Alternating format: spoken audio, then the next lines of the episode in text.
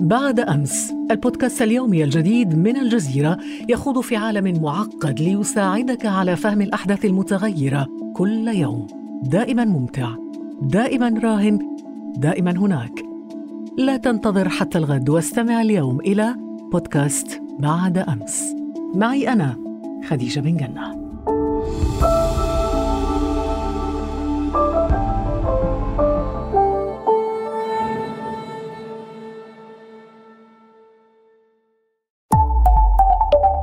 الجزيرة بودكاست.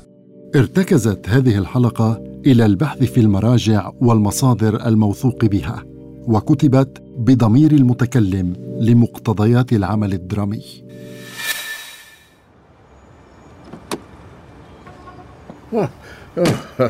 هل تأخرت عليك يا صديقي؟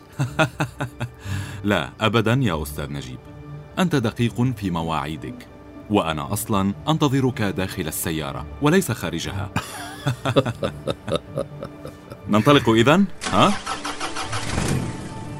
أه انتظر انتظر قليلا انظر إلى هذين الشابين إنهما يقتربان من السيارة وهما يحدقان بي أظن أنهما من أولئك المعجبين الذين يحبون إلقاء التحية علي عندما يشاهدونني. سأفتح زجاج باب السيارة وأصافحهما وأنا جالس في مكاني على المقعد. أهلا. أهلا بكما.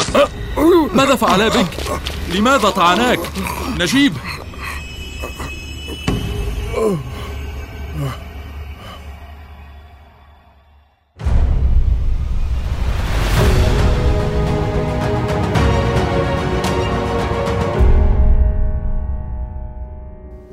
أهلا بكم متابعينا الأعزاء في حلقة جديدة من بودكاست رموز من الجزيرة. أقدمها إليكم أنا جهاد حيث يحدثكم نجيب محفوظ بصوتي. ويخبركم عن ظروف حياته ومسيرته الإبداعية على مدى تسعة عقود وما أحاط بها من أسرار ومفاجآت. لن أكون وحدي في هذه الحلقة. سترافقني سيلينا لتطرح علي كل ما يمكن أن يخطر ببالكم من أسئلة عني. طابت أوقاتكم مستمعينا أعدكم أنني لن أتحفظ عن طرح أي سؤال مهما كان شائكا. آه هذا الحادث كان محاولة لاغتيالي وأنا في طريق لمقابلة بعض الأصدقاء. وقد ظننا أنا وصديقي الذي كان يرافقني في السيارة أن الشابين من المعجبين بأعمالي الأدبية ويريدان مصافحتي كما يفعل العديد من الناس يوميا. لكنهما حاولا اغتيالي. وطعنني أحدهما بسكين في عنقي لجهة اليمين. الإصابة كانت خطرة جدا ولكن من حسن حظي أن مستشفى الشرطة كانت ملاصقة للمكان فتم إنقاذي وأثرت الإصابة على أعصاب يدي اليمنى وما عدت بعدها أستطيع الكتابة بها. الحادثة وقعت عصر الرابع عشر من شهر أكتوبر عام أربعة وتسعين في الذكرى السنوية السادسة لنيل جائزة نوبل للأداب. سبب محاولة قتلي وأنا في عمر الثالثة والثمانين تلك الجائزة ورواية أولاد حارتنا. ولهذه الرواية قصة طويلة بدأت قبل سبعة وثلاثين عاماً وأهدر دمي بسببها. تصوروا الحكمة من بقائي حيا بعدما حاولوا قتلي وأنا في هذا العمر. تصوروا القدر عندما يلعب دوره في حياة الإنسان. وأنا أصلا قدمت إلى هذه الحياة بأعجوبة. نعم. ولادتي كانت متعسره كثيرا. فاستعان والدي بالطبيب المشهور نجيب ميخائيل محفوظ المعروف باسم نجيب باشا محفوظ. وتقديرا له سماني والدي باسمه وحملت هذا الاسم المركب نجيب محفوظ. لكنه سبب لي بعض المشكلات في حياتي. فبعد تخرجي من كلية الآداب عام أربعة وثلاثين التحقت بوظيفة في إدارة جامعة القاهرة. ولكنني كنت أرغب في السفر إلى الخارج. لذلك عندما أعلنت الجامعة بعد سنوات عن حاجتها إلى مجموعة من خريجي قسم الفلسفة للسفر إلى فرنسا وتعلم اللغة الفرنسية تقدمت بطلب للسفر. وكنت مؤهلا لإرسالي لأنني من بين الأربعة الأوائل في الكلية في قسم الفلسفة. ولكن المفاجأة كانت بقيام أحد الموظفين المشرفين على هذا الموضوع بشطب اسمي دون العودة إلى الوثائق الأساسية. فضاعت علي هذه الفرصة. ولما استفسرت عن الموضوع قالوا لي هناك اثنان غيرك من الأقباط في البعثة موصى بهما ولا نستطيع إرسال ثلاثة أقباط. ظن ذلك الموظف أنني قبطي لأن اسمي كتب على السجلات أمام نجيب محفوظ فقط. آه يا ليته رجع إلى هوية كاملة لقرأ حينها نجيب محفوظ عبد العزيز. أنا ولدت في الحادي عشر من ديسمبر من العام 1911 في الجمالية من حي سيدنا الحسين في القاهرة والد اسمه عبد العزيز إبراهيم أحمد الباشا وكان موظفا لدى الحكومة وجدته من آل عفيفي التي كانت من العائلات الإقطاعية في الفيوم. لم يكن أبي من هواة القراءه وكل ما قرأه في حياته كان كتابا وحيدا إضافة إلى القرآن الكريم. عنوانه حديث عيسى بن هشام لأن مؤلفه محمد المويلحي كان صديقا له. توفي أبي في عام 1937 قبل أن يطلع على أولى رواياته عبث الأقدار التي نشرتها بعد عام من وفاته ولم يتسنى له سوى قراءة بعض قصصي التي كنت قد نشرتها في الصحف. أما أمي واسمها فاطمة فقد كانت أمية ومع ذلك كنت أعتبرها مخزنا للثقافة الشعبية.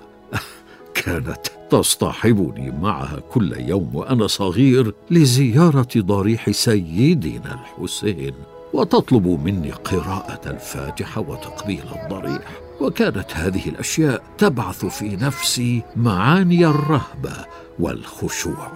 وبالحماس نفسه اعتادت زيارة الآثار القبطية خصوصا دير مار جرجس معتبرة ذلك نوعا من البركة.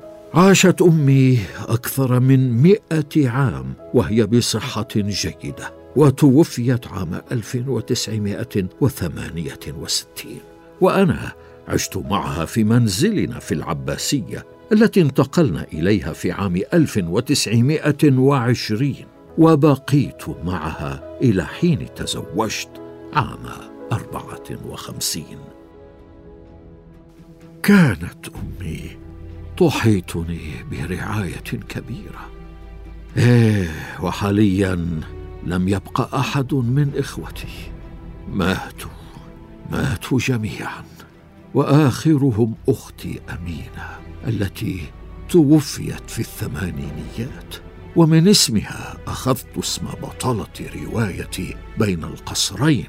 أول أجزاء ثلاثية القاهرة التي كتبتها في عام ستة وخمسين والتي تذكرت فيها ثورة سعد زغلول عام 1919 عندما مات سعد زغلول كنت في الخامسة عشرة من عمري واعتبرت يوم مماته يوما مفجعا في حياتي ومنذ ثورته وأنا متأثر به ولو كنت طفلا في ذلك الوقت. وتأثرت أيضا بالتظاهرات التي كانت تنظم تأييدا للوفد وزغلول. وكنت في السابعة من عمري عندما شاهدت أول تظاهرة. كنت أشاهد كيف يقتل الشبان برصاص الإنجليز وهم يهتفون لسعد زغلول. فشعرت حينها بتعاطف شديد معهم وكنت ممن يتظاهرون ضد الإنجليز لطلب الاستقلال التام لمصر كلما سنحت لي الفرصة. كان الحي الذي عشت فيه مركزا للثورة والتظاهرات وأنا تشبعت بأفكار سعد زغلول التي أوضحت أن الثورة قامت من أجل استقلال مصر وأن الوفد قام من أجل تحقيق هذا الهدف وأنه لن يهدأ لنا بال حتى يخرج الإنجليز من مصر. وأصبحت هذه الأفكار في وجداني كأنها تعاليم دينية.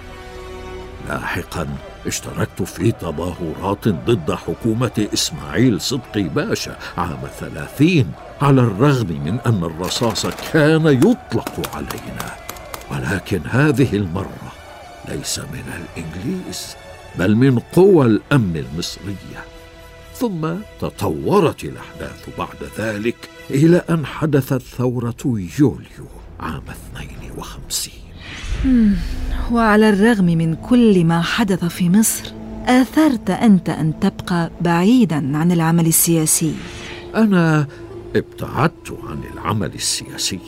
لأن السلطة ليست هي الهدف الذي يتوافق مع مزاجي ومهنتي بل إنني أعتبرها معطلة لي عن مهنتي الأساسية وهي الأدب. وفي الوقت ذاته لا أعيب على أي مفكر أو أديب عمل في السياسة وسعى إلى السلطة. من أجل الأدب ابتعدت عن العمل السياسي فلم أنضم إلى حزب أو تنظيم ولكنني لم أكن في موقف المتفرج فالأدب بحد ذاته يمكن أن يكون سلطة مؤثرة إذا أحسن الأديب استخدامه. لذلك تابعت كتاباتي بجرأة وانتقدت بموضوعية فلم أكن ضد النظام بعد ثورة يوليو عام 52 واستلام جمال عبد الناصر السلطة كما أنني لم أتخذ أي موقف عدائي من رموزه. هذا طبيعي فالعديد من رموز النظام في تلك الفترة ساعدك على نشر قصصك في الصحف، كما عملت مع محمد حسنين هيكل في جريدة الأهرام، وهو الأقرب إلى الرئيس جمال عبد الناصر. بالإضافة إلى حصولك على جائزة الدولة في الآداب عام 57 ومنحك وسام الاستحقاق من الدرجة الأولى من عبد الناصر شخصياً. أنا لم أتوقف عن انتقاد الثورة لكن انتقاداتي لم تكن موجهة ضد النظام بل كنت أنتقد غياب الديمقراطية فيه. وليس معنى ذلك أنني كنت نائما في العسل بعيدا عن المخاطر والمتاعب بل في مرات عديدة كنت على حافة الهاوية. فقد نشرت في الأهرام عام 65 قصة بعنوان سائق القطار تدور حول سائق يفقد صوابه ويسبب بتصادم مروع. وكان تفسيرها لدى الكثيرين كإشارة إلى عبد الناصر الذي يقود مصر إلى كارثة. وأنقذني من هذه الورطة مقال لرئيس تحرير مجلة الثقافة محمد فريد أبو حديد. حيث كتب عن القصة وذكر أنها ترمز للصراع بين الشرق والغرب وبالتحديد للصراع الأمريكي السوفيتي الدائر حينها مفسرا كيف أن هذا الصراع إن استمر سيدمر الكرة الأرضية. فحمدت الله أن أبو حديد توصل إلى هذا التفسير وشعرت بالراحة. وبأن المقال أزاح عن صدري هما كبيرا. وفي عام ستة وستين ثار المشير عبد الحكيم عامر بسبب روايتي ثرثر فوق النيل وبلغني أنه هدد بإنزال أشد العقاب بي بسبب النقد العنيف فيها عن سلبيات قائمة في المجتمع. لكن وزير الثقافة الدكتور ثروة عكاشة دافع عن الرواية أمام عبد الناصر واستطاع إقناعه أن حرية الأدب هي أفضل دعاية للنظام في الخارج. إيه الأمثلة عن المتاعب كثيرة فأنا عانيت بسبب كتاباتي ومررت بظروف صعبة لكنني لم أتوقف عن كتابة ما يجب أن أكتبه وتلك المتاعب لا تذكر أمام التي حدثت بعد النكسة عام سبعة وستين والتي قاس منها كل أدباء مصر. في تلك الفترة ما عادت تنشر الأهرام قصصي ورواياتي واضطررت إلى نشر رواية المرايا في مجلة الإذاعة والتلفزيون. ورواية الحب تحت المطر في مجلة الشباب بعد تعرضها للرقابة والحذف منها.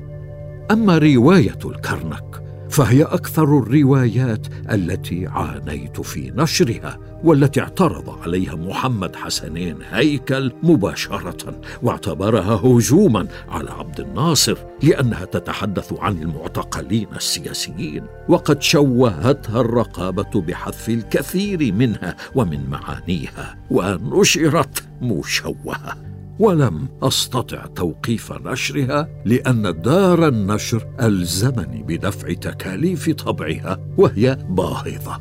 وعلى الرغم من ذلك كانت السلطة تدرك أن انتقاداتي هي لصالح الوطن وليس لتأليب الجماهير ضد السلطة.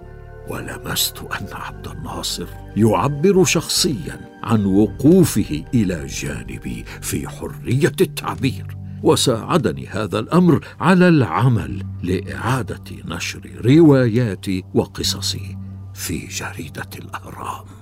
وأستطيع القول وأنا مرتاح الضمير على الرغم من تعرض الفكر لتضييق شديد.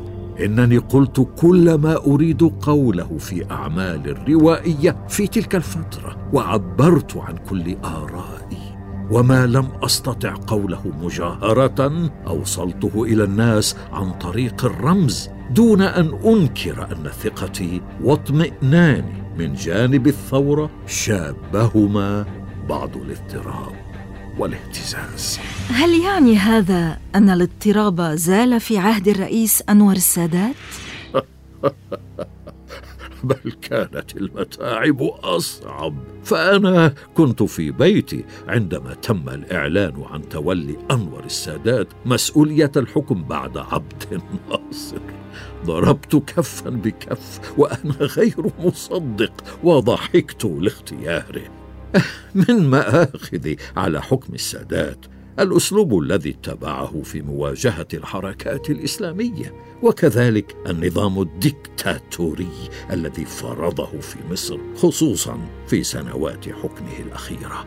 أنا كنت من بين مجموعة من الأدباء المصريين الذين وقعوا في شهر فبراير عام 73 على بيان اعتراض على حالة لا حرب ولا سلم التي كانت سائدة في مصر. وسرعان ما صدر قرار بعزلنا ومنعنا من الكتابة استمر حتى أواخر سبتمبر من العام ذاته حين تم العفو عنا.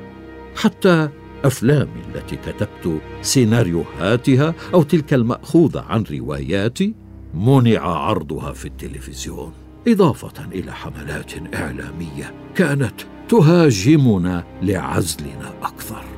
وكانت الحجة في ذلك أن مجموعة من الموقعين معنا على البيان تابعة للشيوعيين وتقبض رواتب من السفارة السوفيتية في القاهرة. هكذا أبلغونا. لكنك لست بعيدا عن الشيوعيين وانت تعاطفت مع الماركسية. وكتبت مقالا عن الاشتراكية في المجلة المصرية المجلة الجديدة وأنت لم تتجاوز التسعة عشر عاما بعد وقلت عنها إنها نظرية المستقبل. عندما كتبت هذا المقال كنت متعاطفا مع الاشتراكية الإنجليزية وليس الماركسية اللينينية. كما كنت في وضع لم أحدد معه بعد بالضبط اهتماماتي بالعقائد والإيديولوجيات. وصحيح أنا تعاطفت بدرجة كبيرة مع الماركسية بسبب مبادئها الإنسانية لكنني استنكرت محاولة الروس فرضها ونشرها بالقوة وأخذت على الماركسيين أسلوب حكمهم الدكتاتوري والشيوعية فلسفة. كان فرضها بالقوة هو أكبر خطأ وقعت فيه. وهي نظرية غريبة عن المجتمع المصري.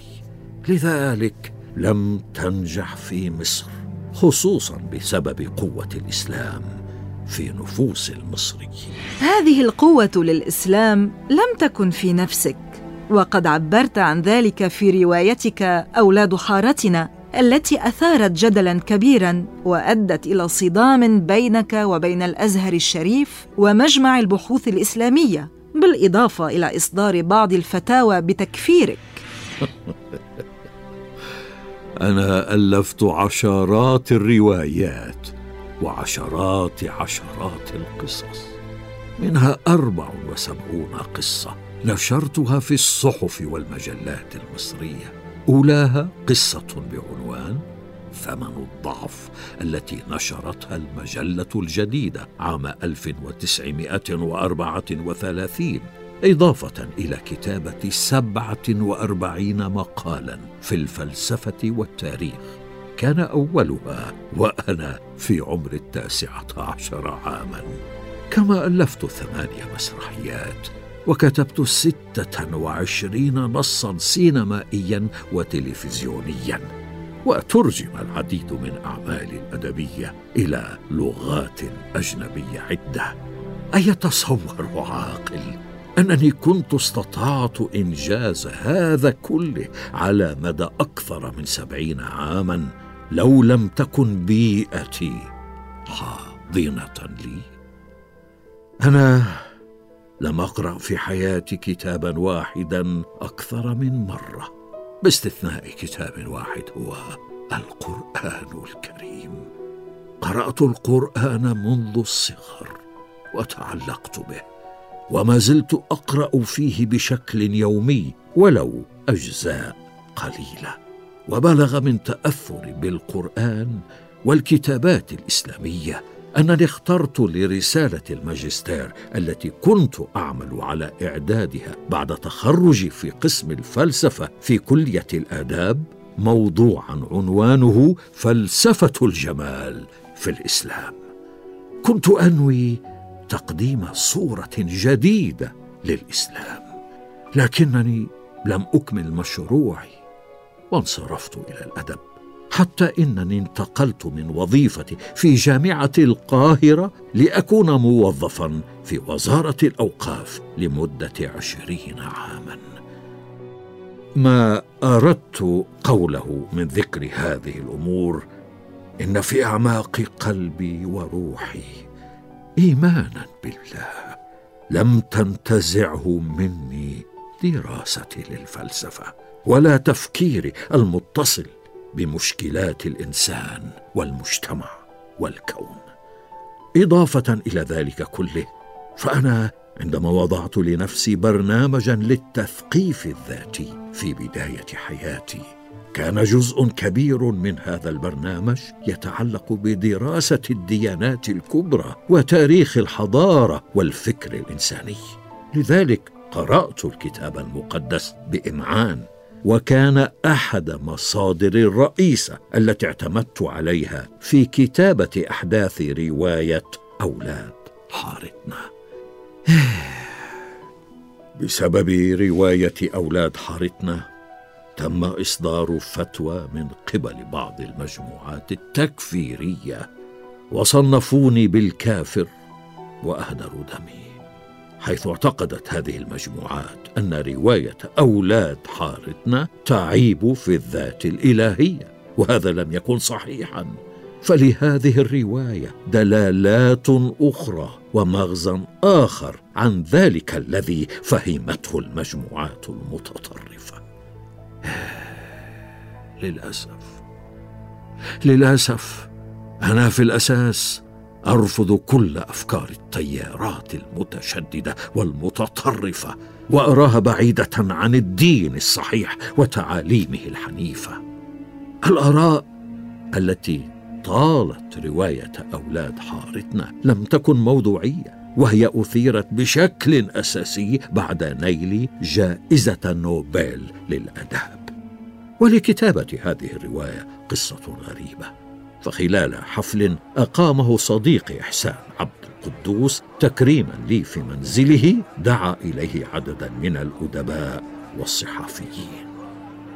خلال الحفل اقترب مني مدير تحرير جريدة الأهرام علي حمد الجمال وقال إنه يكلمني باسم رئيس التحرير محمد حسنين هيكل وإنه يريد أن ينشر لي في الجريدة رواية على حلقات مسلسلة. ومع أنني كنت أرفض أسلوب النشر المسلسل إلا أنني وعدته بإرسال رواية عندما أكتبها. وبدأت بكتابة أولاد حارتنا. وأنهيتها في شهر أبريل عام ثمانية وخمسين حيث استغرقت كتابتها سنة نجيبية. فسنة الكتابة عندي تبدأ في شهر أكتوبر وتنتهي في شهر أبريل. آه باقي الشهور أصاب بالحساسية في عيني فلا أستطيع عندها الكتابة. آه أرسلت الرواية إلى الأهرام. فقرأها مدير التحرير ووافق عليها وبدأ بنشرها. مرت الحلقات الأولى من الرواية على خير دون أن تظهر أي ملاحظات عليها. ولكن الأزمة بدأت بعد أن نشرت جريدة الجمهورية مقالا يشير فيه كاتبه إلى أن الرواية المسلسلة التي تنشرها الأهرام فيها تعريض بالأنبياء. وقامت الدنيا ولم تقعد.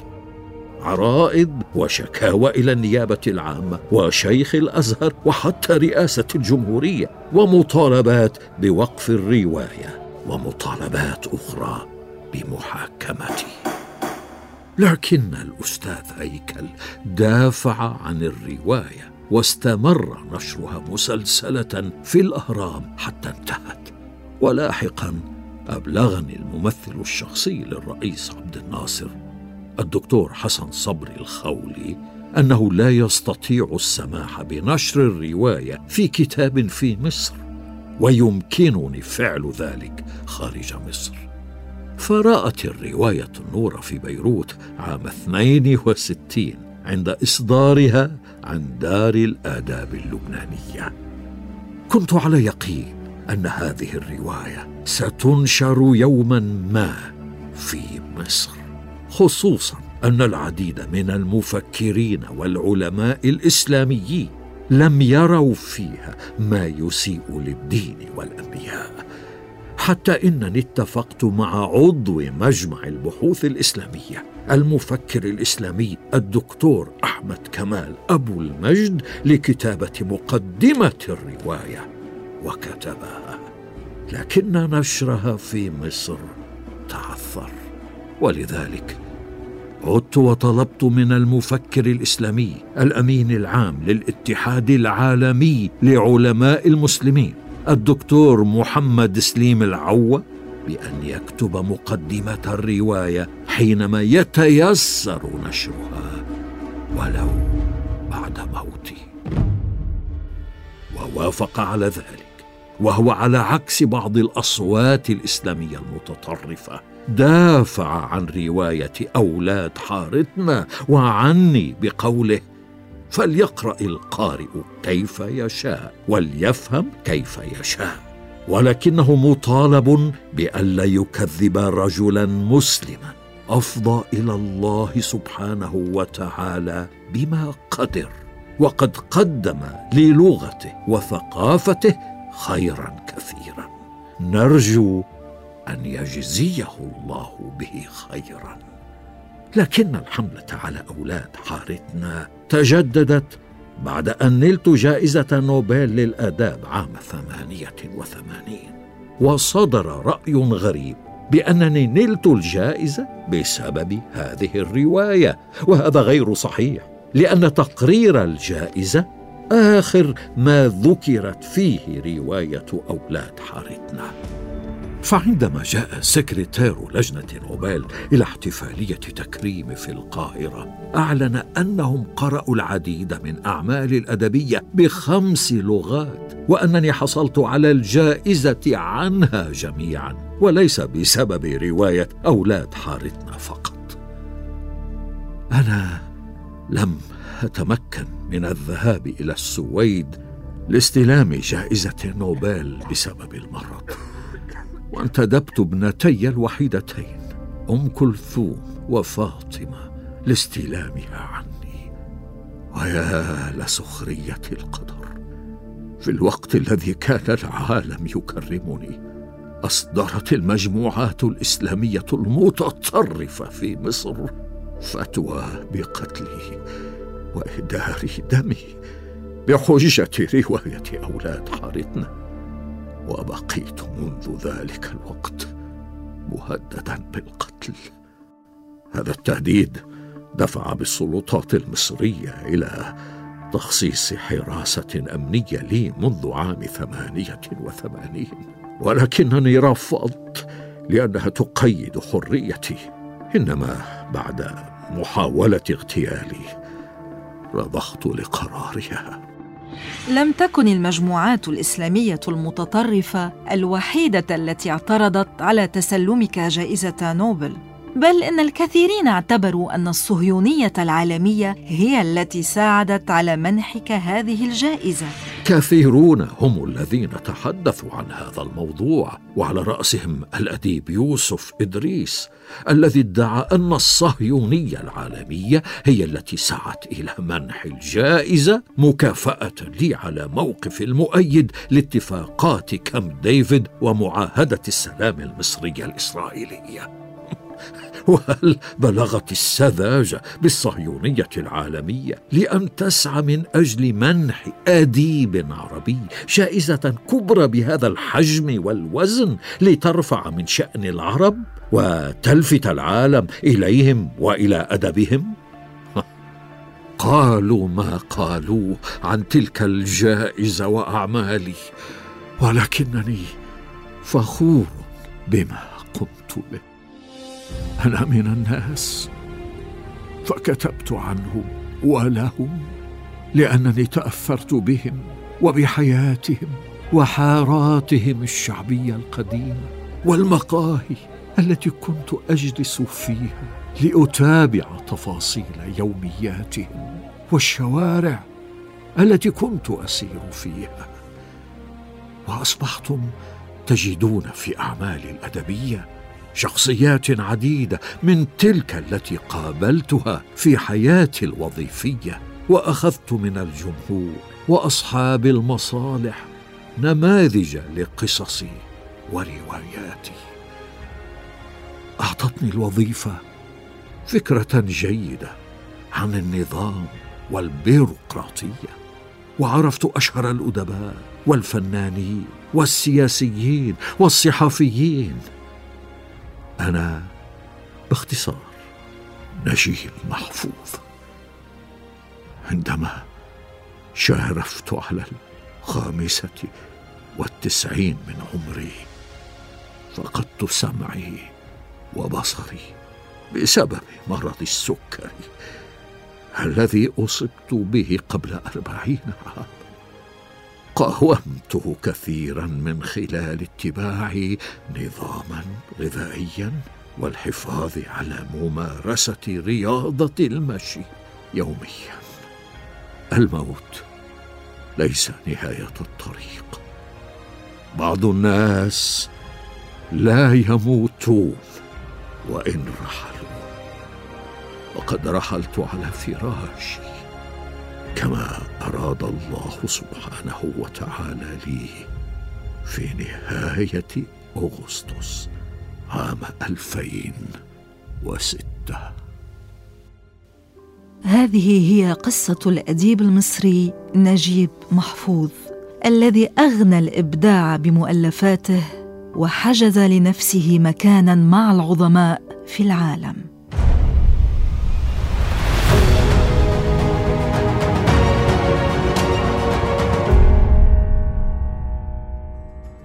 في الحلقة المقبلة من بودكاست رموز سنتناول سيرة رمز آخر رحل وترك أثره في حياتنا. لا تفوتوا حلقتنا التالية يوم الأحد المقبل. ويمكنكم الاستماع إلينا عبر Google Podcasts أو Apple Podcasts أو SoundCloud. فقط ابحثوا عن الجزيرة بودكاست. كما لا تنسوا مشاركة هذه الحلقة وزيارة موقعنا على الإنترنت podcast.aljazeera.net كان معكم جهاد. وسيلينا من بودكاست رموز من الجزيرة. إلى, إلى اللقاء, اللقاء.